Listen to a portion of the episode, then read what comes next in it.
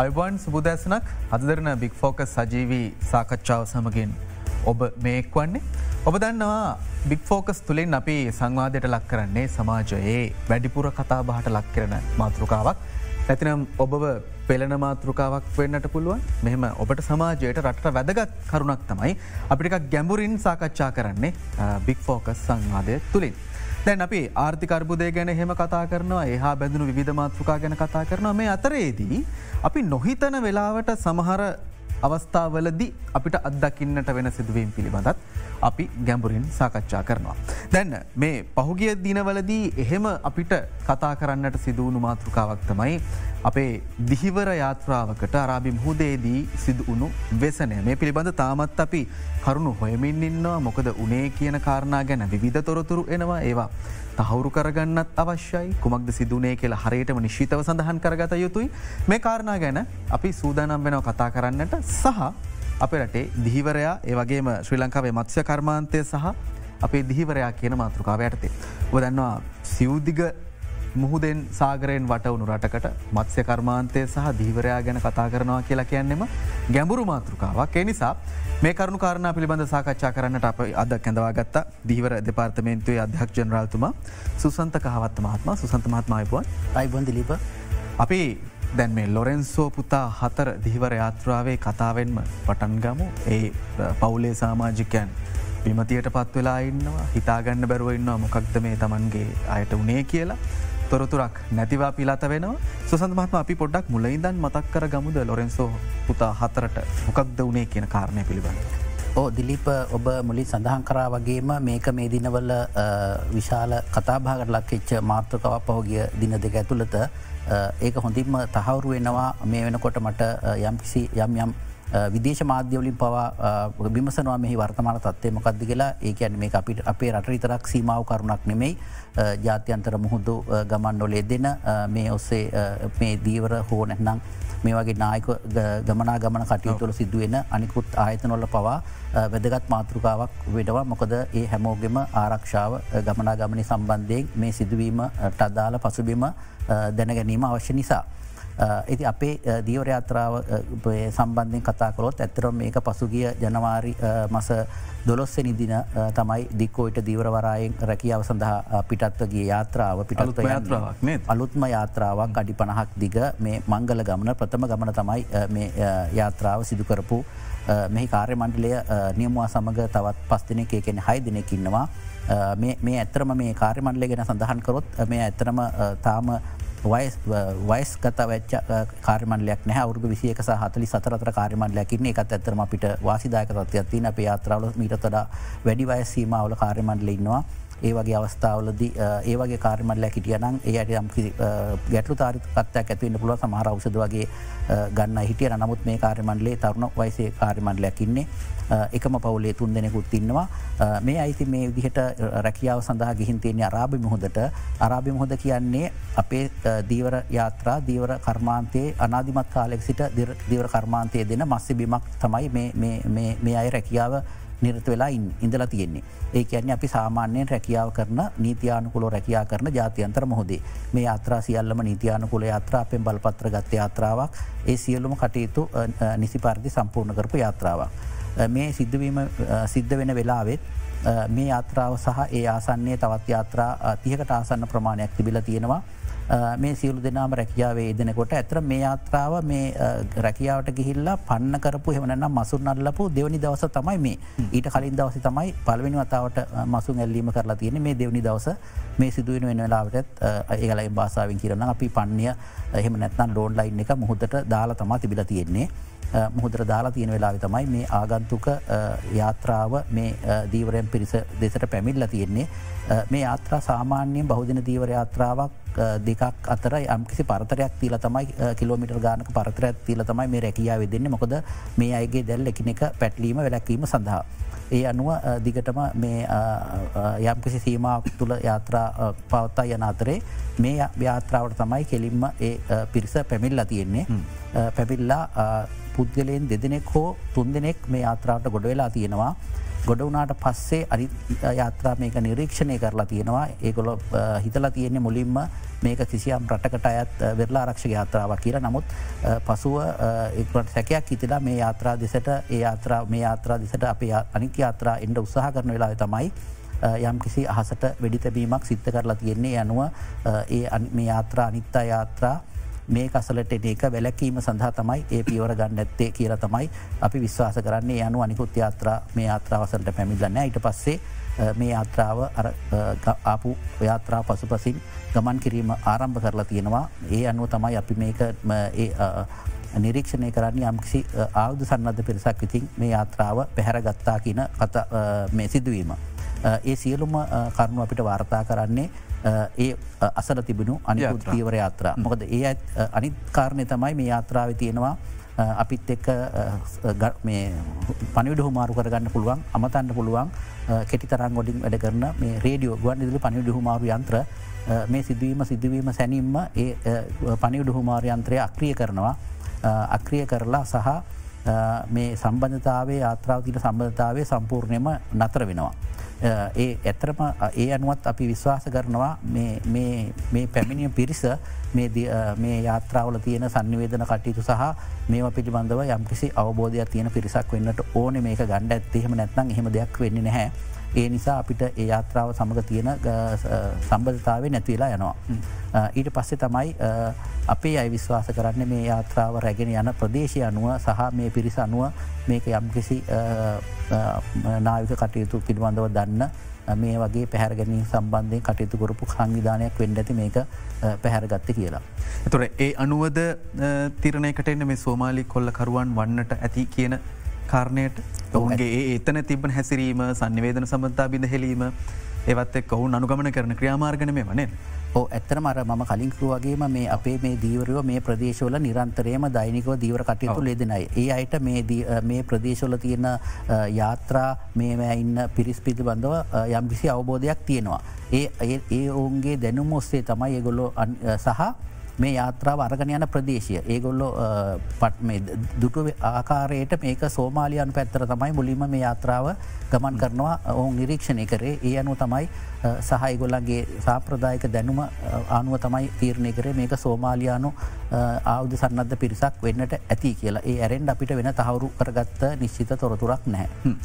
දැනට පාර්තාාවෙන තොරතුරු අනුව අලුත්ම තත්වය මොනවාගේද සුසන්ත මහත්ම මංහිතන්න අපි වැඩිකු වැඩි දෙනෙක් මේ වෙලා විමසන්නේ මෙහි වර්තමාන තත්වය මොකක්ද කියන එක අපි ඇත්තරම මේ සිදුවීම සෙනසුරාදා දහවල් සිදුනාට පස්සේ අපි මේ පිළිබඳව යම්කිසි මේ අනිත්‍යාත්‍රාත් සමඟ සංනිවේදන කටයුතු කරලා යම්කිසි මට්ටමක මේක තහවුරු කරගත්තර පස්සේ අපි ශ්‍රී ලංකා නායක හමුදාවට සහ විදේශ කටයුතු අමාත්‍යන්සර දැනුම් දීම කර නිල වශයෙන් විදේශකටතු අමාත්‍යන්සියත් මගෙත් එක සම්බධතා පවත්වනවා. ඒවගේම ශ්‍රී ලංකා නායක හමුදාවත් නිරන්තරයම නිරන්තරයම සම්බධතා පවත්වලා මේ පිළිබඳව අපි අදහස් සුවමාරු කරගන්නවා. ඒ අනුව විදේශකටතු අමාත්‍යන්සේ මේ වෙනකොට සෝමාලුන් සෝමයාලනු රජය ඇතුළු ඒ ආශ්‍රිත රටවල් සියල්ලම දැනුවත් කරලා තියෙනවා. මෙහෙම යාත්‍රාවක් අපේ පැහැර ගැනීමට ලක්වුණා ඒ සම්බන්ධයෙන් යම්කිසි මැදිහත්වීමක් කරන්නට කියලා.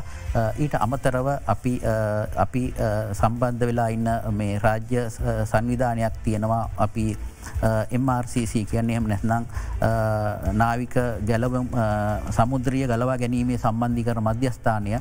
ඒක මේ ආශ්‍රිත රටවල් සියලු දෙනාම සාමාජිගත් වෙලා ඉන්න සංවිධානයක් අපි ඒ සංවිධානයටත් මේක දැනු දැනුන්දීල තියෙනවා ඒ අනුව ඒ රටවල් සහ විදේශකටයුතු අමාත්‍යන්සය මේ සම්බන්ධය මැදිහත්ත කටයුතු කරනවා. මෙතනදී අපි ඇත්තටම සෙනසුරාදා මේක පැහැරගත් අවස්ථාවේ සිට අපි බලාපොරොත් වනා කොමන අවස්ථාවකොද හෝ අපිට මේ යාත්‍රාවෙන් ඇමතුමක් මේ යාත්‍රාවෙන් හෝ මේ පැහරගත්ත පිරිසෙන් අපිට ඇමතුමක් ලැබේ කියලා. මොකද මෙතන වැදගත් කාරණය තමයි දිලීප මේ අයි මේ යාත්‍රාව පැහරගන්න ඇත්තේ කුමක් හෝ අරමුණකටන. හැබැයි අපි තාම දන්න නැහැ ඒ අයි මේක පැහරගත් අරමුණ මොකක්ද කියලා. දැන් ඒ නිසා ඔවුන් යම් කිසි ඉල්ලීමත් තිබුණ නම් එහෙම නැන්නම් මොක් හරි තිබුණ නම් මේ ඒගොල්ලු අක්‍රිය කරපු යන්ත්‍රය හරහම ගුවන්දිලි පනිිඩු හමාරු යන්ත්‍රය නැවත සක්‍රිය කරලා අපිට අමතීමට කරන්නට පුළුවන්. එහෙම නැත්නම් එයාලන්ගේ ඒ සංවිධානය ගොඩබි මධ්‍යස්ථානයක් හෝ වෙනත් යවතිනම් ඒ ඔස්සේ හෝ ඇමතිමක් ලබාදීම හැකියාව තියෙනවා. අපේ දීවර දෙපාර්තමේන්තුව සතුව දීවර වරයන් ආශ්‍රිතව පැවිසි අතරම ඇත මේ පැවිසි අතරම ක්‍රියාත්මක වෙන ගුවන්දලි පනිරු මාරු මධ්‍යස්ථාන තියෙනවා ඒ මධ්‍යස්ථානවල සියලුම නිධාරින් දැනුවත් කරලා තියෙනවා. මේ අපි සක්‍රියව පවත්තගනින් මේවට සවන් දෙමින් ඉන්නවා. කුම්ණ හෝ අවස්ථාවක මේ යාත්‍රාවෙන් ඇමතුමක් ලැබෙයිද කියන එක අපි දිවාරාත්‍රී පැවිසි අතරම ඒ සම්බන්ධයෙන් අවධානයමු කරලා ඉන්නවා. මෙතෙක් කිසිදු පනිවිඩයක් එම යාත්‍රාවෙන් ලැබුණේ නැහැ. සමහරවිට වෙන්ඩ පුළුවන් දේ තමයි ඔවු මේ යාත්‍රාව පැහැරගන යන්න ස්ථානයට තාමවුන් ළඟා නොවනා වෙන්ඩ පුළුවන්. ඒක නොව සාමාන්‍යෙන් ඔවුන්ට ආරක්ෂිත ස්ථානයක් කර යාත්‍රාව රැගෙන ගෙහිල්ල ඉවරලා ඇමතුම දෙෙන්ඩ ඉල්ළඟ පියවර ක්‍රියාත්මක කරන්න. කරන්න වෙන්ඩ පුළුවන්. ඒ නිසා තමයි වෙන්ඩ ඇත්තේ අපිට තාම ඇමතුමක් ලැබුණේ නැත්තේ එක ගැන. එනිසා වර්තමානය වෙන විට මේ යාත්‍රාව සමඟ සරලව කිවොත් අර්තමන් සමඟ අපේ කිසු සම්බධතාවයක් නැහැ. ඔවුන් අපිට ඇමතුමක් දුන්නෙත් නැහැ අපි ඒ පැත්තෙන් අපේ පැත්තෙන් ගත්තොත් ඇමතුමක් ලැබේ කියල බලාපොරොත්තුවෙන් ඉන්නවා. ඊට අමතරව විදේශකරතු අමාත්‍යන්සේ අනකුත් රටවල් සමගරමක් සඳහන් කරවගේ සම්බන්ධී කරණය කරමින් ඉන්නවා. මේ ආත්‍රාව සම්බන්ධය කුමන හෝ තොරතුරක් ලබාගෙන ඉදිරි කටයුතු කිරීම සඳහා. ඔව. සුසන්ත මහත්ම මේ ශ්‍රී ලංකා නාවික හමුදාව කොහොමද ඔබ සමග ඔබායතනයත් ඇතුළු පාර්ශවත් එක්ක සහයෝගිතාව දක්වන්න මේ කටයුතු සඳහා. ඇතරම මේ කටයුත්ත සහනිකු සියලම කටයුතු සඳහා මොකද මහමුහදේ මෙහම කටයුතු සියල්ලම කරන්න ශ්‍රී ලංකා නායක හමුදාවසාහ වෙරලා රක්ෂක බලකා වෙරලාක්ෂ දෙපාර්මේන්තු නිල්ධාරින් තමයි. එනිසා ඇත්තරම වෙනම ඒක පවා මේ දෙපාර්ත්මේන්තු නායක හමුදාවසා වෙරලාරක්ෂ දෙපාර්ත්මේන්තුවට තියෙන දීවර දෙපාර්ත්මේන්තුව සමඟ සම්බන්ධී කරන කටයුතු කිරීමට එනිසා ඉතාම සහයෝගෙන් නිරන්තරයෙන්ම අවශ්‍ය සියලුම තොරතුර ලබා ගන්නමින් ලබා දෙමින් මේ ආයතන තුන කටයුතු කරමින් පවතිනවා. ඔකද ඇතැම් තොරතුර වාර්තායනවනේ දැ ඉන්දියාව චීනය ඇතුළු රටවල්ලත් සහයෝගත් එක්ක නාවික හමුදාවත් සහ විශේෂ වැඩ පිළිවෙලක් ක්‍රියාත්ම කරට බලාපොරොත්තු වෙනවා මේ මොකක්ද වනේ කියන තොරතුරක් හොයාගන්න ඔවුන් සතුව තියෙන අත්දැකීම් පාවිච්චි කරමින් දැන්න මේ පවුලේ උදවියට දැන් මේ දිහිවරයන් ඇතුළ මේ හය දෙනාගේ. ගෙදර උදවිය බලාගෙන ඉන්නවා මොකක් වෙලා ඇතිද තොරතුරක් ලැබෙන්නේ කවදද කියන බලාපොරොත්තුව තියෙනවා ඔවුන්ට. ඔවුන් වෙනුවෙන් ඔබතුමාට පල්කත්ද දෙන්න තියෙන පනිවිඩේ මේ වෙලා. ඕ ඒ ඒක තමයි මේ වෙලාවේ එක් පාර්ශයක් තමයි මේක ඉන්න මේ යාත්‍රා හිමියා සහ යාත්‍රා කාර්යමණ්ලේ සහ ඒ අයිගේ පවුලේ සාමාජිකයෝ. ඇතර මම මට ඊ හවස යාත්‍රා හිමියා කතා කරලා ඒ යාත්‍රා හිමියගේ ගෙදරට ඒ මේ කාර්මණලේ සියල්ම සාමාජිකයෙන් පැමිල්ල ඉන්නවා. ඒ අයට පොඩ්ඩ පැහදිලි කරන්නකු හමන් ඇතරම දුරගත නොස්සේ ඒ පවුලේ සාමාජිකව නමතලා ඕන්ට පැහැදිලි කරා. මේ වෙලාවේ අපි ඕන කෙනෙක් දන්නවා මේ වගේ සිදුවීම සිදුරාම ඉස්සලාම මේ අයිගේ සුපසාධන කටු තෙහෙමැන්නම් ආහරපාන සහ ජලය ඒ වගේ දේවල් සම්බන්ධය තමයි අපි අබෙඩි අවධානයමු කරන්නේ. මේක මේක අලුත්තෙම හදපු අඩි පණහක් දිග යාත්‍රාවක්. මේකේ ඔවුන් රැකියාව කිරීම සඳහා මාස දෙහකටතර ප්‍රමාණවත් වෙන විදිහට ආහාර ජලය සහ අනිකු සියලුම පහසුවන් සහිත යාත්‍රාවක්. ඒ නිසා මේ ගමන් කරන කාලය සඳහා තව පිරිසක් මේ යාත්‍රාව ඉන්නවනං මේ යාත්‍රාත් පත්කර ඒ සියලු දෙනාටම ප්‍රමාණවත්වෙන කෑම සහ ජලය යාත්‍රාව සතුව තියෙනවා. ආහර පිල්ලර කරගීමට අවශ්‍ය ඒ පහසුවන් සියල්ලම තියෙනවා.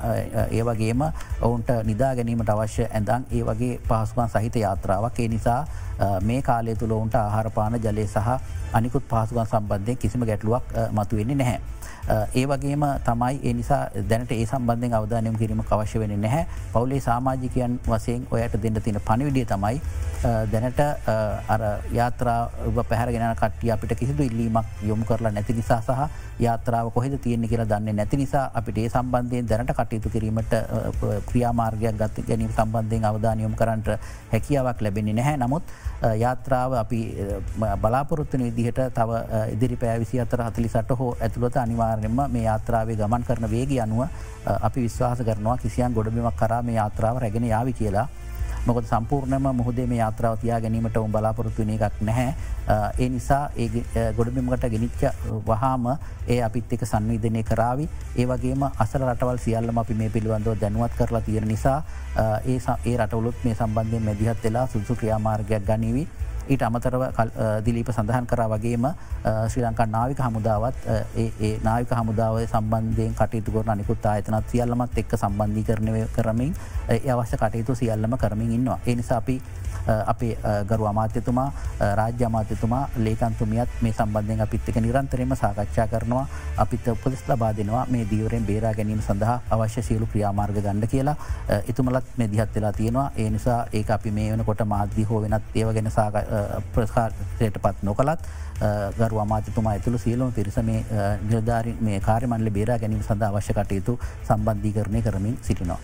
සුසත මහත්ම එකන දැන්න දීවරයන් හයදනාගෙන් මෙතෙක් කිසිම තාමත් තොරතුරක් මුකුත් නැහැ. තමයි අපිට දැනට වාර්තා කරන්න තියෙන තත්වය. සහ දැම යාත්‍රාවේ ගමනාගමනය මේ වනට නිරීක්ෂණය කෙරමින් පවතිනවද?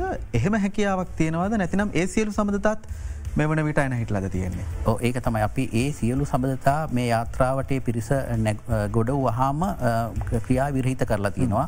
ඒ ඇන මේ යාත්‍රා පිළිබඳව අවබෝධයක් සහිත පිරිසක් තමයි මේ යාත්‍රාට ගොඩ වෙලා තියෙන්නේ. ඒ නිසා අපිට නිරීක්ෂණය කිරීම හැකියාවක් දැනට නැහැ මොකද මේ අර්මය අය පැමිල්ල තියෙන්නෙත් යම්කිසි යාත්‍රාවක මුහුදු යාත්‍රාවක. එතකොට මේ ඒ නිසා මේ යාත්‍රාව පිළිබඳව මේ මෙහම කටතු පිළිබඳ අවබෝධයක් සහිත පිරිසක් තමයි පැමිල්ලා තියෙන නිසා තමයි උන්න ගොඩ වහම අපිට සිදි සියලු සබඳතා මේ අය ක්‍රියාවිරහිත කරේ. ඒකන තාක්ෂණක සහය අවශ්‍ය වුණොත් තවත් රටවලින් අපිට ගන්නට පුළුවන්න්නේ ද මේ අවස්ථාවේදී. අනිවාරය මේක ඒ සම්බන්ධය සම්පූර්ණ මෙහ සම්බන්ධී කරට කරන ශ්‍රී ලංකා නාවික හමුදාව ඒ මංහිතන අනි හමුදාවන් සමග සම්බන්ධ වෙලා වශ කටයුතු කරමින් පවදිනවා. සුසන්ත මහත්ම දැන් මේ ඉතාම අනපේක්ෂිත සිදුවීමක්නේ. කොල්ලකරුවන් පිරිසක් පැමිණියා මේ යාත්‍රාව පැහැරගත්තා කියන තැනයි දන් තමයි දැන් අපි කතා කරන්නේ. දැන් සාමාන්‍යයෙන් මෙහෙම දුර මුහුදු ගමනකට යනකොට අපේ දීවරයන්ගේ තිබෙන සාමාන්‍ය සූදානම මොනවාගේද සහ ආයතනයක් විදිහට ඔවුන්ට ලබා දෙන උපදෙස් සහ සාමාන්‍ය ක්‍රියා පටිපාටිය මොකක්ද. අපේ දීවර කටයුතුවල ස්භාවය ගත්තාම ඇපතරමයි ප්‍රධාන වසයෙන් බහුදින යාත්‍රා වර්ග තුනක් තියනෝගේ රැකියාව කරන ස්භාව අනුව. එකක් තම අපි මේ කතා කරන යාත්‍රාවත් අයිති වන මරුවල් පන්නේ. හෙම නැත්නම් අපි කියන මේ ඩෝන් ලයින් ක්‍රමේට මසුන් මැරීම සඳහා භාවිතා කරන යාත්‍රා තවර්ගයක් තියෙනවා. ඒකට කියන්නේ ගිල් නෙට් කියල. හෙම නැත්නම් කරමල් දැල් කියන එක පාවෙන කරමල් දැල් තවර්ගයක් තියෙනවා. වට කරන දැල්. ඔය ප්‍රධාන වශයෙන් ඔය වර්ග තුන තමයි මේ බහුදින දීවර යාත්‍රා මගින් මසු නැල්ලීම සඳහා පන්න කිරීම සඳහා පාවිතා කරන ක්‍රම. මේකෙති හුඟක්ම වෙලාවට අර කියන පාවෙන කරමල් දැල් සහ වට කරන දැල් අපේ දකුණු මුහුද ප්‍රදේශයේ අපේ මුහුද හෝ ඒ ඔස්සේ තියෙන ඉන්දැන් සාගරයේ ජාතියන්තර මුහුදේ තමයි රැකියාව සඳහා ඉදීම් කරන්නේ. නමුත් ඇතැම් බහුදින දීවරාත්‍රා යම්කිසි ප්‍රමාණයක් මේ මරුවල් පන්නේ රැකියාව කරන දීවරයාත්‍රා යම්කිසි ප්‍රමාණයක් ඉන්දියාව සහ මාලදිවෙන අතරේ තියෙන මාර්ගයක් ඔස්සේ අරාබි මුහද කරා ගමන් කරනවා. ඒ අරාබි මුහදත් ඇත්තරම ජාතියන්ත්‍ර මුහද. ඒ ජාතියන්ත්‍ර මුහද යනව තමයි මරුවල් පන්නේට යන්න මේ යාත්‍රා ලොකු යාත්‍රා පහසුවන් සහිත යාත්‍රා. ඒ යාත්‍රා සාමාන්‍ය සති කීපයක් මේ ප්‍රදේශය රැකියාව කරනවා. මේ ගමන් කිරීම සහ ආපසු ඒකැන මස්්‍යබීම් කරා ගමන් කිරීම සහ මස්්‍යස්ස නෙලාගෙන ආපසු ගමන් කිරීම ආපසු පැමිණීම සඳහා තමයි වැඩි කාලයක් ගත වෙන්නේ. ඒ එහිදී මේ යාත්‍රා අපේ මුහුදු සීමාන් ඉවත්වෙනකොට එම නැත්නම් අපි කියන මේ දුරකත්තන සබඳතාවලින් ඉවත් වනාට පස්සේ මේගොලන්ට ගොඩබීම සමඟ සම්බධතාවෙන් තියාගණ්ඩ පුළුවන් ක්‍රම දෙකක් තියෙනවා. එකක් තමයි අපි මේ කියන කෙටි තරංග ඔස්සේ මේ සංවේදන කටයුතු කරන්න පුළුවන් අමතනට පුළුවන් ගුවන් ඉදිරි පනිඩු හුමාරු යන්ත්‍ර. මේ සඳහා අපි යාත්‍රාවලට සෑම් අනිවාරය කරලා තියෙනවා. සෑම බහුදින දීවර යාත්‍රාවක් සඳහම මේ ගුවන්ඩදිලි පනිවිඩ හුමාරු යන්ත්‍රයක් අනිවාර්යයි. මේ ඒ පනිවිඩ හුමාරු යන්ත්‍රයක් මගින් නායක සැතබොන් දෙතුන් දහක් දුර වුණත් අමතීම හැකියාව තියෙනවා. හැබැයි ඒ අමතන්ට පුළුවන් ඒ උපකරණ මගින් පමණයි වගේම ඒක ග්‍රහණය කර ගැනීමට හැකියාව තියෙන්නේෙත් අපේ දියවර දෙපාර්ත්මේන්තුව සතුව තියෙන පනිඩු හුමාරු යන්ත්‍රල පනිඩු හුමාරු මධ්‍යස්ථානවල තියෙන පනිඩු හුමාරු යන්ත්‍ර හරහා පමණ. එනිසා අපි දීවන්න වටා දීවරවරයන් ආශ්‍රිතව පනිඩු හුමාරු යන්ත මධ්‍යස්ථාන මේ පිහිටෝල තියෙනවා. ඒ ඇතැන් මේවා පැ විසි අතර තුර ක්‍රියාත්මක වෙනවා අපේ නිසා දීවරයන්ට මේ සන්නිවේදන කටයුතු සඳහා ඒ පහසුම ලබලදීල තියනවා දීවර යාත්‍රාහිමිය අපේ මධ්‍යස්ථානට පැමිලා ඒ තමන්ගේ යාත්‍රා සමඟ පනිඩුහමාරු කර ගැනීම සිදු කරනවා. ඒ ක්‍රමයක් අනික්‍රමය තමයි තියෙන්නේ යාත්‍රා නිරීක්ෂණ පද්ධති වම ස්ෙසල් මොන්ටරින් සිිස්ටම් අපි බහදින දීවර යාත්‍රා සියල්ල සඳහම අනිවාර්ය කරලා තියෙනවා. ඒ ඒ ඔස්සේ අපිට කතා කිරීම හැකියාවක් නැහැ නමුත් ගමන් මාර්ග නිරීක්ෂණය කිරීමේ හැකියාව තියෙනවා. ඔය ඒකත් අපේ මධ්‍යස්ථාන තියන අප පැවිසි අතරම ක්‍රියාත්මන එක දීවර දෙපාර්තමන්තය ප්‍රධාන කාර්යාලය. අපි පැවිසි අතරම යොස්සේ යාත්‍රා නිරීක්ෂණය කිරීම කරනවා. පෙන මනිලධහරන්නේ සඳහා. ඒ සඳහා නියුත්ත කල තින පැවිසි අතරම වැඩ කරන නමුත් මෙතන සිද්ධ වන්නේ මේ සියලුම් දේවල් මේ අයිවිසින් අක්‍රිය කිරීම තමයි අපිට තියෙන ගැටලුව. එහම නැත්නම් අපිට මේ පහසුකම ලබලදීල තියෙනවා. ඊට අමතරව දීවර යාත්‍රාවලට අවශ්‍ය වෙන අනිකුත් පන්න කිරීමේ සඳහා අවශ්‍ය වෙනවා තව රේඩියෝ බෝයිස්. රේඩියෝ බෝයාවන් ඒවත් අපි යාත්‍රාවටම අනන්‍යවුල් ලෙසට සකස් කරලා තියෙන්නේ. එතකොට ඒවා පන්න කර පන්්‍ය දැමි අපේ සාමාන්‍යෙන් ලෝන්ලයින් එකක් මරුවල් පන්නයක් කිලෝමීටර් පනා හැට වගේ දිගට ප්‍රමාණයකට දානවා. ඒක හොයා ගැනීම සඳහා තමයි මේ අය ඒ මරුවල දිගේ යම් කිසි ප්‍රමාණයක් දුරෙන් තබාගෙන මේ රේඩියෝ බෝයිස් එමන රේඩියෝ බෝයාවන් සම්බන්ධ කරන්න. ඒකත් ජීපිය තාක්ෂණය ඔස්සේ යාත්‍රාවට පුළුවන් තමන්ගේ පන්නය හැනම් මරුවල කොහෙද තියෙන සියල සොයාගණ්ඩ ඒ සියල්ම පහසුගන් ඒ යාත්‍රාවල තියෙනවා. තැන් මුහුදු ගමනකට පිවිසෙන්න්නට කලින් දීවරයන් මේ සියල්ල නිරීක්ෂණය කිරීම දෙපාර්තමේන්තු මට්ටමෙන් ද කරෙන්නේ? නැතනම් බරාය මට්ටමෙන්ද කරෙන්නේ? කොහොමද ඒ කටක් සිදුව? අපි ඇත්තරම මේ නිර්ණයක සම්පූර්ණ කරලද කිය මේ අය මේ අයට අපි මේ බහුදන දීවර ඇත්‍රා සියට සියම වගේ ඉතාම සුළු ප්‍රමාණය කරන ඉතුරු සියල සියම අපේ දීවරවරයෙන් ඔස්්‍රේ තමයි ක්‍රියාත්මක වෙන්නේ. එතනදී ඒ අය පිටත්වීම අවසරයක් ලබාගත යුතුයි ඒ අවසරේ ලබාගන්න වෙලාවෙද අපි මේ සියල්ලම සක්‍රියෝ තියෙනවාද කියල පරීක්ෂා කරල බලනවා. ඊට එහම නැත්නම් අපි ඇත්තරම ඔවුන්ට අවසරේ දෙන්න රැකියාව සඳහා පිටත්වෙනට ඊට අමතරව සෑම දීවර වරායකම වෙරලාරක්ෂක දෙපාර්ත්මේන්තු නිල්ධාරින් ඉන්නවා. වෙරලාරක්ෂ දෙපාර්ත්මේන්තු නිලධාරියෙන් සියලු අවසරයන් අර්ගන අවසාන වරට මුහදරයාමට කලින් පරීක්ෂා කරන්න ඔවුන් එවුන් පරීක්ෂා කරන මේ සියල්ලම නිසි පරිදි තියෙනවද කියලා. එහෙම කරලා තමයි රැකියාව සඳහා පිටත්වීමට අවසර ලබා දෙන්නේ. Uh, දැන් සංවිධිත පද්ධතියක් ක්‍රියාත්මක වෙනවා දිහිවරයින් මේ මුහුදු ගමනකට පිටත් කිරීමට පෙර ඒ සඳහා uh, දීවර දෙපාර්තමේන්තු ප්‍රමුඛ දැන්සු සන්තමත්ම සඳහන් කලා වගේ ලොකු වැඩ පිළිවෙලක් විදිමත් වැඩ පිළිවෙලක් එක්ක තමයි මේ මුහුදට ඔවුන් ගමන් කරන්නේ. නමුත් මේ සිදුවීම ඉතාම අනපේක්ෂිත සිදුවීමක් ලෝකය මුහුණ දෙන තර්ජනයක් ගෝලිය වශයෙන් අපි බැලුවම මහා විශාල නෞකාවලට පවා මෙවැනි තත්වලට මුහ දෙන්නට සිදුවෙන ඇතින් අපි දිහිවර මේ ප්‍රජාවගේ පවුලේ ඥාතියන්ගෙන් අපි ඉල්ලා සිටින්නේ ඉතාම ඌමනාවෙන් කලබලවීමට හේතුවක් නැහැ. අනවශ්‍ය කලබලවීම ඇති කරගන්නට එපා. ඔබ ඉන්න අසිරු තත්වයක කියන අපිට තේරනවා. නමුත් අවශ්‍ය අපේ ආයතන සියල්ලම මේ වෙනුවෙන් ගතයුතු පියවර ගන්නට මේ වෙලාවේ යුහුසූලුව කටයුතු කරමින් ඉන්න.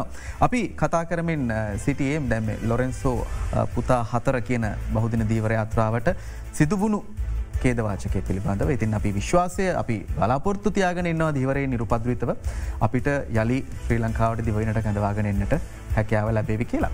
අපි මේ තවත් කරුණු කාරණ කිහිපයක් පිළිබඳම කතා කරන්නට සූදානමෙන් ඉන්නවා මත්ස්‍ය කර්මාන්තය සහ ශ්‍රී ලංකික දිවරයාගේ ආරක්ෂාව සම්බන්ධයෙන් තමයි අදාපි බික් ෆෝකස් බටස්ටහන වෙන් කරලා තියෙන්නේ. දිවරගේ ආරක්ෂාව සම්බන්ධයෙන් තවත් බොහෝ දේවල් කතා කරන්නට තියෙනවා. මත්ස කර්මාන්තය පිළිබඳව තවත් කරුණු කාරණ කිහිපයක් මතු කරගන්නට අවශ්‍යව තිබෙනවා. මේ විරාමය ලබාගන්නේ අපි. ඒ සඳහා සූදානමක් ලෙස.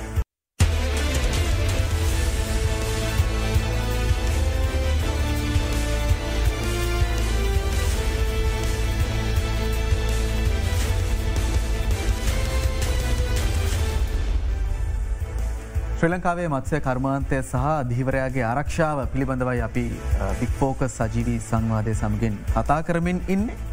දැන් දීවරයාගේ ආරක්ෂාව කියන කාරණයේදී මේ වගේ අනපේක්ෂිත සිදුවීම් වල ගැනත් අපි කතා කරන්නට ඕනේ කොල්ලකරුවන් දේවා ත්‍රස්ත්‍රවාදීන් දේවා මෙහෙම ඇතිවන බලපෑම් පිළිබඳ. එත් එක්කම ඉන්දියාවෙන් අනවසරයෙන් ශ්‍රී ලංකා මුහුදු තීරයට පැමිණෙන දිහිවරයන් කියන මාතෘකාවම සෑහෙන්න කාලකිදන් අපේ රට අපේ දිහිවරයන් දවන ප්‍රශ්නයක්. දැන් අනාධිමත් කාලයකිදන් ඉන්දිය මුහුදු සීමාව සහපයි සීමාවතර සහයෝගයෙන් අපේ දිහිවරයන් මුහුදු රැකියාව කරපු කාලයක් තිබුණ. හැබැයි එදස් නොසේ හැත්තය හතර හැත්තෑ හය වගේ කාලය වෙනකොට ගිවිසුම්වලට එළබෙනවා ආගමන විගමන නීති ඇතුළත් කරගන්නවා මුහුදු සීම නිර්ණය කරගන්නවා. හැබැයි සුසන්ත මහත්මය මේ එහෙම තත්ත්වයක් හැදුනත් පසු කාලින්නව අනවසරයෙන් ඔවුන් ශ්‍රී ලංකා මුදට පැමිණිමින් ඉන්නවා. දැන් සමහර විද්වතුන් ඇස්තමේන්තු කරන දේවල් එක් බලපුම අවුරුද්ධකට ඩොල මිලියන අසුවක විතර අපිට පාඩුවක් සිදුවෙනවා කියලා සමහර දෙනා කියනවා මේ අපේ අස්වැන්න නෙලාගෙන ඉන්දියාවට දිහිවරෝ යාමත් එක් සැහෙනකල් දුවන ඔඩු දුවන ප්‍රශ්නයක් මේක. දැන් මේ ප්‍රශ්නය තියෙන්නේ මොනවගේ තැනකද. මුහුදේදී ගත්තොත් කොහොමද රාජ්‍යතාන්ත්‍රකව ගත්තොත් කොහොමද. ඕ දිලිප මංහිතන්නේ අර ඔබතුමා සඳහන් කලා වගේම තවත් කාලීන වැදගත්වන මාතෘගාවක් හැබැයි මේක සර්ව කාලීනයි ඔව්. මෑත කාලේ දිගටම අපි සාකච්ඡා කරපු කරුණක් ඇත්තටම මේ දිලිප සඳහන් කරා වගේම මේ ඉන්දියනු දීවරයාත්‍රා ලංකා මුහුදට පැමිණීම නිසා අපිට දල වශයෙන්කත්තොත් ආකාර තුනක හානි දායක සිද්ධීන් සිද්ධ වෙනවා. එකක් තමයි අපේ දීවරයන්ට යම්කිසි අවස්ථාවලදී ඔවුන්ගේ ශාරික වශයෙන් හානිස්ත වෙනවා.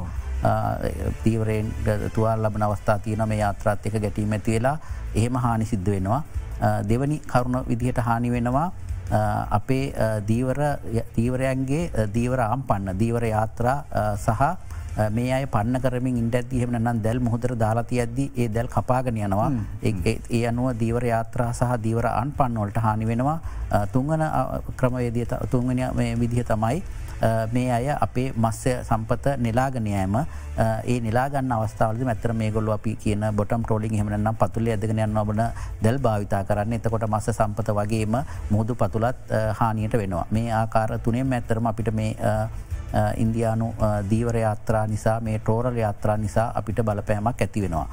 මේ ඇත්තරම දිගු කාලයක් තිස්සේම සිද්ධවීම පවතින දෙයක් අද දක්වාම සිද්ධ වෙනවා විධ අඩු වැඩවීම් සහිතව මොකද සමහර කාල තියෙන ඉන්දියාවේ මසුන් බෝයන කාල වලදී දවස්තියක් දක්වා ඉන්දියාව විසින්ම තහනම් කාලයක් පනවනවා අවරුද්ධට දවස්තියක් හැටක් දවස් හැටක් ඒ කාලය හැර අනිත් කාලොල්ලොල සතිර කීපයක් දින කීපයක් මේ යාත්‍රා පැමිල්ල අපේ උතුරු නැගෙනහිර මුහුදු ප්‍රදේශ ඔස්සේ.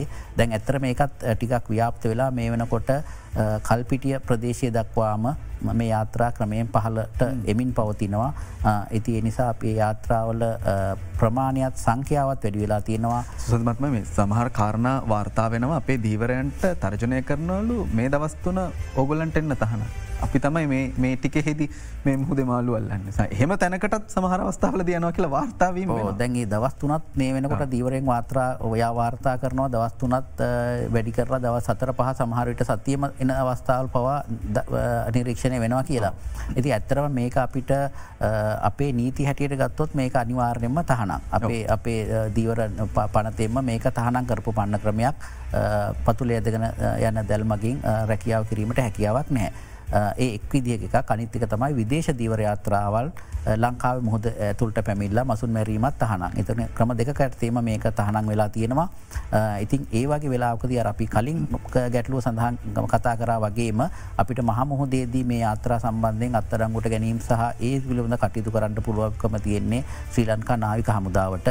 නාවික හමුදාවේ තියෙන ඒ ධාරිතාවය අනුව යම් යම් අවස්ථාවලදී මේ යාත්‍රා අත්තරංගුට අර්ගන ඒ පිරිස් සමඟ අපිට බාර දෙනවා. ඒ පාර්ධන යාත්‍රා සම්බන්ධයෙන් අපි අපේ තියන දීවර පනත්වල තියෙන නීතියානුකූල ක්‍රමවේදයටතේ අපි නඩු පැවරීමට කටයුතු කරනවා. හැබැයි එන යාත්‍රා ප්‍රමාණයෙන් අපි මේ විදිර නීතියානුකුල කටයුතු කරන්න ඉතාම අල්ප ප්‍රමාණයක් යාත්‍රා සුළු ප්‍රමාණයක් පමණයි. මොකද ප්‍රායෝගිකව ගත්තොත් මේ එන යාත්‍රා සියල්ලම අත්තරංගොට ගැනීම හෝ නඩු පැවරීම හෝ ප්‍රායුක කළ හැකි දෙයක් නෙමෙයි. ඇත්තරම මගේ විශ්වාසය තියෙන්නේ අපිට එහෙම අත්තරංගුවට ගෙන නඩු පැවරලම තුළින් පමණක් මේ කාරණය මේ මට්ට මේදී විසඳා ගැනීමට පුළුවන්කමක නැහැ කියන එක. මේක විශේෂයෙන්ම අපේ ගරු අමාතතුමත් මේ සම්බන්ධය විශේෂ අවධානයකම කරනමක දෙතුමත් දීවර ප්‍රදේශයකින් උතුරු ප්‍රදේශයෙන් ආව අමාත්‍යවරයෙක්. ඒ ප්‍රදේශයට තමයි මේක බලපෑම තියන්නේ. ඒ ප්‍රදේශයේ දීවරයට තමයි වැඩිපුර බලපෑම තියෙන්නේ. ඒ නිසා නිරන්තරයම මේක රාජතාන්ත්‍රික මට්ටමෙන් මේ සඳහා යම්කිසි විසුඳුමක් සොයා ගැනීම සඳහා උත්සාහ දරමින් ඉන්නවා. අපි ඒක ඒ උත්සාහය අත්හැරල නැහැ. ඉන්දියාව සමඟ අපි නිල වශයෙන් කරන සාකච්ඡා දෙකක් තියෙනවා. අමාත්‍ය මණ්ඩල අමාත්‍යවරුන්ගේ සාකච්ඡාවක් සහ නිලධාරී මට්ට මේ කරන සාකච්ඡාවක් අපේ සාකච්ඡාවලදීත් මේ කරුණවන්ට යොමු කරලා තියෙනවා. ඔවුනුත් ඇත්තර මේක දන්නවා. පිළියරන් තියෙනවා. උන්ගේ යාත්‍රා අපේ ප්‍රදේශයට පැමිණෙනවා කියන එක. ඔවුනුත් උත්සාහ කරනවා මේක ක්‍රමාණුකෝලව අධියරෙන් අධීරය හෝ මේ ප්‍රශ්නය විසදීමට කටයුතු කරන්න නමුත් තාමදුරටත් ඒ ප්‍රශ්නය මේ ආකාරයම පවතිනවා. එක රාජතාන්ත්‍රික මට්ටමෙන් අපිට තියෙන්නේ තාමත් ඒවගේ තත්ත්වයක් සාකච්ඡා කරන්න බලාපොරොත්තු වෙනවා. සාකච්ඡා කරමින් පවතින ඇත මේ සාකච්ඡා පවතින හැමිල්ලේම අපේ අමාතිතුමත් නිරන්තරයම මේ ගැන ඉන්දියාව සමඟ ඉන්දියානු තානපතිවරුණු සමගත් මේක සාකච්ඡා කරනවා. හොඳයි දැන්න එය එයාකාරයෙන් මේ දැවෙන ප්‍රශ්නයක් පිළිබඳව අපි එහෙම කතා කරද්දි දැන් සමහර අවස්ථාවලදි දැන් ඉන්දිය දීවරයන්ගේ මේ මේ ඔබතුමාට විශ්වාසයක් තියෙනවද? ඉන්දියාව ධනාත්මක ප්‍රතිචාර දක්වනවා කියන කාරණා පිළිබඳ වාර්තාාවෙන තොරතුරුත් එක්ක දැන් මේ කරන සාකච්ඡාවලද ඕ ඇත්තරම සාකච්ඡා කරන හැමිලාම ධනාත්මකොතම පිළිතුරු දෙන නම ප්‍රායෝගික මුහදටාවාම? පායෝක මහිතන ඉන්දියාවරුනත් මේ අත්‍රහ සම්පූර්ණ පාලයක් නැද්ද කියලත් විශ්වාසයක් තියෙන මොකද අපිට එහෙම නිල්ධාරි මට්ට මේ දී අපිට එහෙම පොරොන්දුනත් යාත්‍රා පැමිණෙන ප්‍රමාණය බත්තහම ඒ සැකි අපිටත් ඇතිවෙනවා. අදශනල්තුමනි දැන් වාර්තාවන තොරතුරත් එක කොහොමද? දැන් මේ ඉන්දියන් ඉන්දයානු දීවරයෝ අනවසරෙන් එන උදවිය රැකියාවටන කට්ටිය. නමුත් මේ පිටු පස තියෙනවා නේද? ලොකු කර්මාන්තයක් ව්‍යාපාර ඇතැම්විට ජාවාරම්මට්ටමින් වෙනවා කෙළවාර්තාවෙනවා ඉන්දියාවේ. ඕ ඇත්තරම මේ යාත්‍රාවල අපිත් නිරීක්ෂණය කරන දෙයක් තමයි මේ යාත්‍රාවල සාමාන්‍යයෙන් එන්නේ යාත්‍රාවල වැඩ කරන වැටුපට වැඩ කරන පිරිසක් එන්නේ යාත්‍රා හිමියෝ එන්නේ නැහැ යාත්‍රා හිමියෝ විශාල ධනයක් තියෙන ව්‍යාපාර්කයෝම් විය හැකි මේවට එන්නේ යම්කි දෛනිකව හෝ එම නැන්නම් ලාභ කොටසක් බලාපොරොත්තුවෙන් වැඩ කරන සේවකෙන් පිරිසක්. ඉතිං ඒ වගේ පිරිසකට එක මරුණු වෙන්නේ කුමන ක්‍රමයකට හෝ මස්ස සම්පත නිලාගෙන යම්කිසි ආදායමක් කුපියා ගැනීම තමයි. ඒනිසා තමයි මේ විදිහ නීතිරෝධී කටයුතුවලටත් මේ යොමුවෙන්නේ කියලා අපිට විශ්වාසයක් තියෙනවා. ඒවගේම තමයි මේන යාත්‍රාවලින් යම්කිසි ප්‍රමාණයක් ඔබ සඳහන් කරා වගේ යම්කිසි නීතිරෝධී කාර්යන් නිරත වෙන්නටත් පුළුවන් නීතිවරෝධී බාණ්ඩ ප්‍රවාහණය කිරීම වගේ දේවල් බාණ්ඩ හෝමාරු වගේ දේවලොත් මංහිතන අපි නාවික හමුදා අපි දන්නවා. යම් කිසි මද්‍රව්‍ය වගේ දේවලුත් මේ අතරේ අත්තරංගුට ගැනීම සිදුවෙලා තියෙනවා. නිසා එහෙම සැකයකුත් වෙන්න පුළුවන්.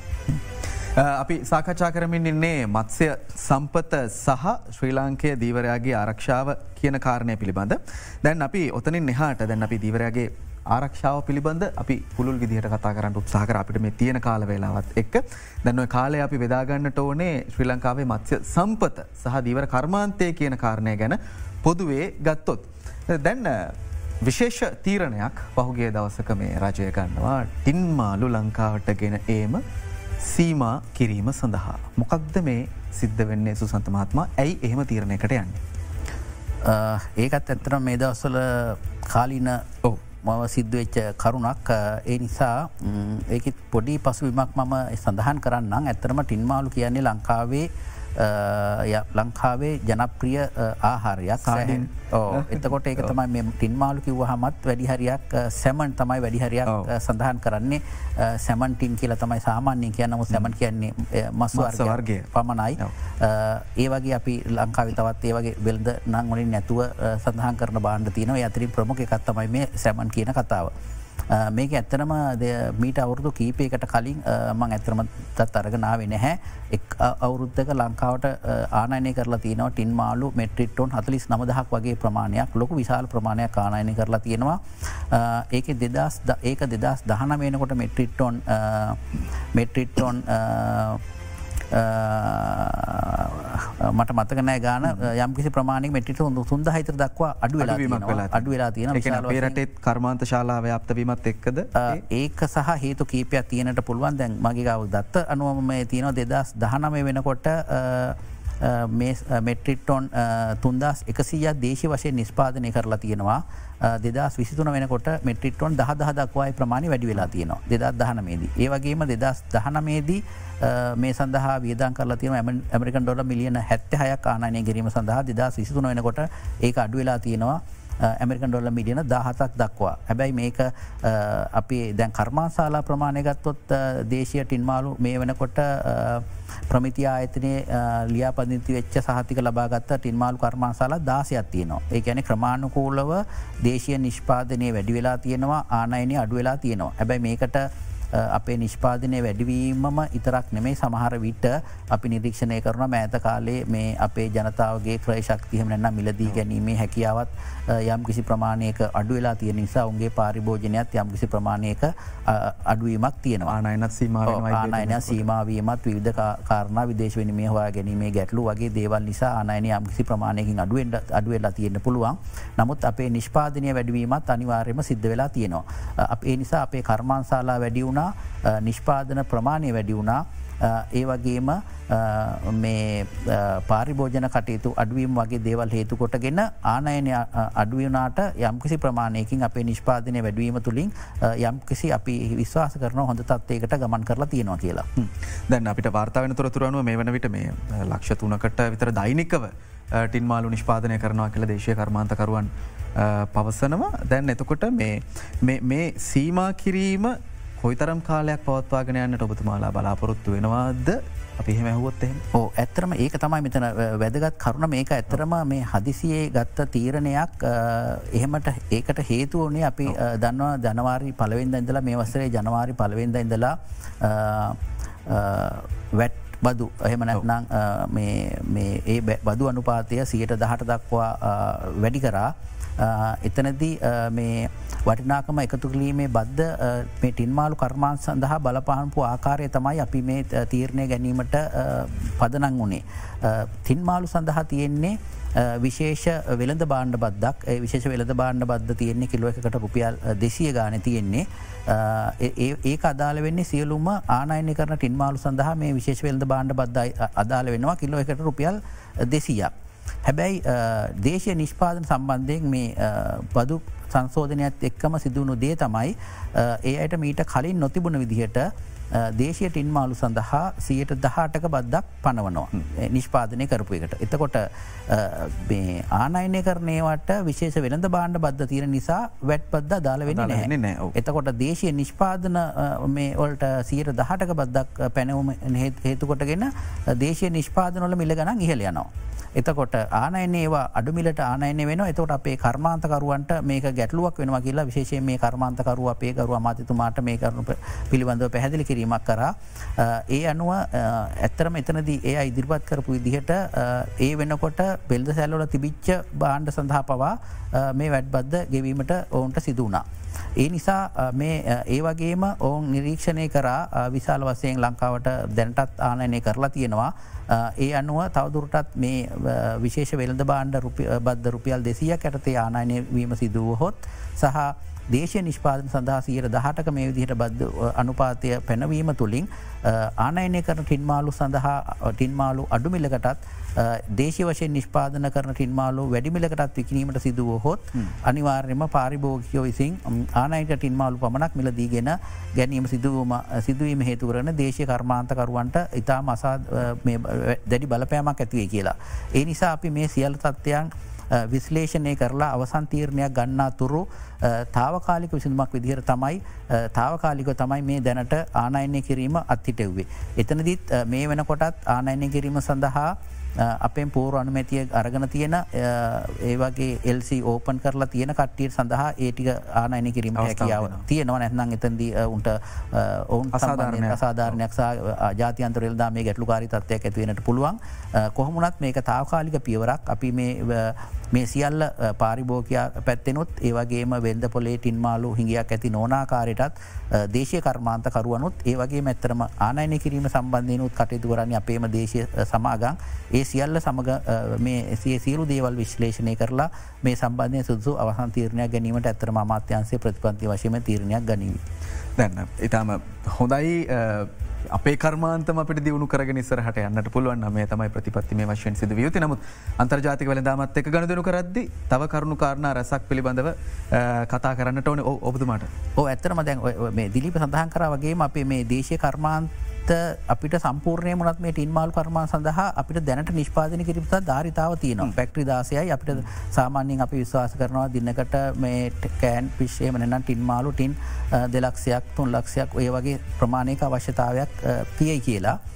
ඒ සඳහා අපේ කර්මාන්සාලෝ ධාරිතාව තියෙනවා. හැබැයි අපිට ප්‍රශ්න තියන්නේ මේ සඳ අවශ්‍ය වන අමුද්‍රව්‍ය අපිට ප්‍රමාණවත්ව තියෙනවාද කියන එක මොකද අපි ප්‍රධාන වශයෙන් අපේ ටින්මල් නිෂ්පාදනය සඳහා අමුද්‍රවී විදියට පාවිච්චි කරන්නේ ලින්න කියන මසුන්. තුො ලින්න මසුන් අහුවෙන කාල සීමාවල් තියෙනවා. අනිත් කාලවල්ල ටින්නමාල් මේ ලින්න මාළුවල යම්කිසි අඩුවීමක් තියෙනවා. ඒවගේම තමයි අපේ පාරිභෝකයෝ අපි දැන් කලින් සඳහන් කර වගේම සැමන් එහෙම වගේ තමයි මේකට ජන ප්‍රීතාව තියෙන එතකොට මේ සැමන් සහ අපේ ලින්න අතර රසේ වෙනස්කන් තියනවා. මේක රසගොඩුවත් එනවා කියලා කියනවා සමල අල්ලගොඩුවත් ඇත්තරම මේ ටින් කරන්න පුළුවන්න හොඳයි. එතකොට වැටුනත් තින් කරනවා. එතකොට මේ පාරිභෝකයාගේ විවිධ අවශ්‍යතා සපුරාලීම සඳහා. ඒකත් අපේ යුතුකමක්නේ අපේ දෙයක් අපාරිබට අවශ්‍ය දේ ලබාදීම එතනදී මේ සැමන් වගේ මසුන් එන රසේ අපේ ලින්න රසයෙන් ඉන්න නෑ. මේක හොඳ නැතිකන මේ තියන රසේ වෙනස්කන් තියෙන් අතර අපි පාරිභෝක විදි රත්විදනවනේ සුසත්මහම ඉස්සර අපි කියනව ඉස්සරන සැමටින්න එක හරි රසයි දැන්ගේ රසේ නෑ කියලා කියන මොකද අපි අර ඒ රසේට අපි හුරුවර හුරුවලා ඉන්න නැන්න ඇතරම අපේ මාළුගත්තොත් මේ එදින මරන්ගෙන අලුත්ම මාළුවලින් තම අපි නිෂ්පාදනය කරන්නේ. ඉතිං තවත් ක්‍රමේට හදන එකෙන අපේ ලින්න මාළු අරගෙන හද නේවත් තියනවා. ඊට අමතරව මාළු ආනයනය කරලා හදන කර්මාසාලුත් තියනවා. එයටින් නෙම ටින් මාලු සම්පූර්ණය නයගෙන මාළු ගෙනල්ල මේ හදන එක. ඉතින් ඔය ඔය වර්ගතුන මෙන ටින් මාලු සම්පූර්ණය හදපත් ලංකාටනවා මාළු ගෙනල් හදනයවත් තියෙනවා මෙහ දේශය වශයෙන් ගන්නවත් තියෙනවා. හැබැයි අර පාරිභෝක අවශ්‍ය සියල්ලම සම්පූර්ණ කිරීම සඳහනම් යම් කිසි ප්‍රමාණයක් ආනයනය කරන්නට ඉට දෙන්නට ඕනේ. එතනද අපේ කර්මාන්තකරුවන්ට දේශ කර්මාන්සාරයට හරුවන්ට හානියක් නෝනාකාරය තීරණයක් ගැනීමතුට මේ ප්‍රශ්නය විසිතගන්න පුළුවන්. හොඳයි. අපි ලබාගන්නවා යළිත් වරක් විරාමයක්. විරාමෙන් පසු බික් ෆෝකස් පටිසරනත් සමඟ සමඳ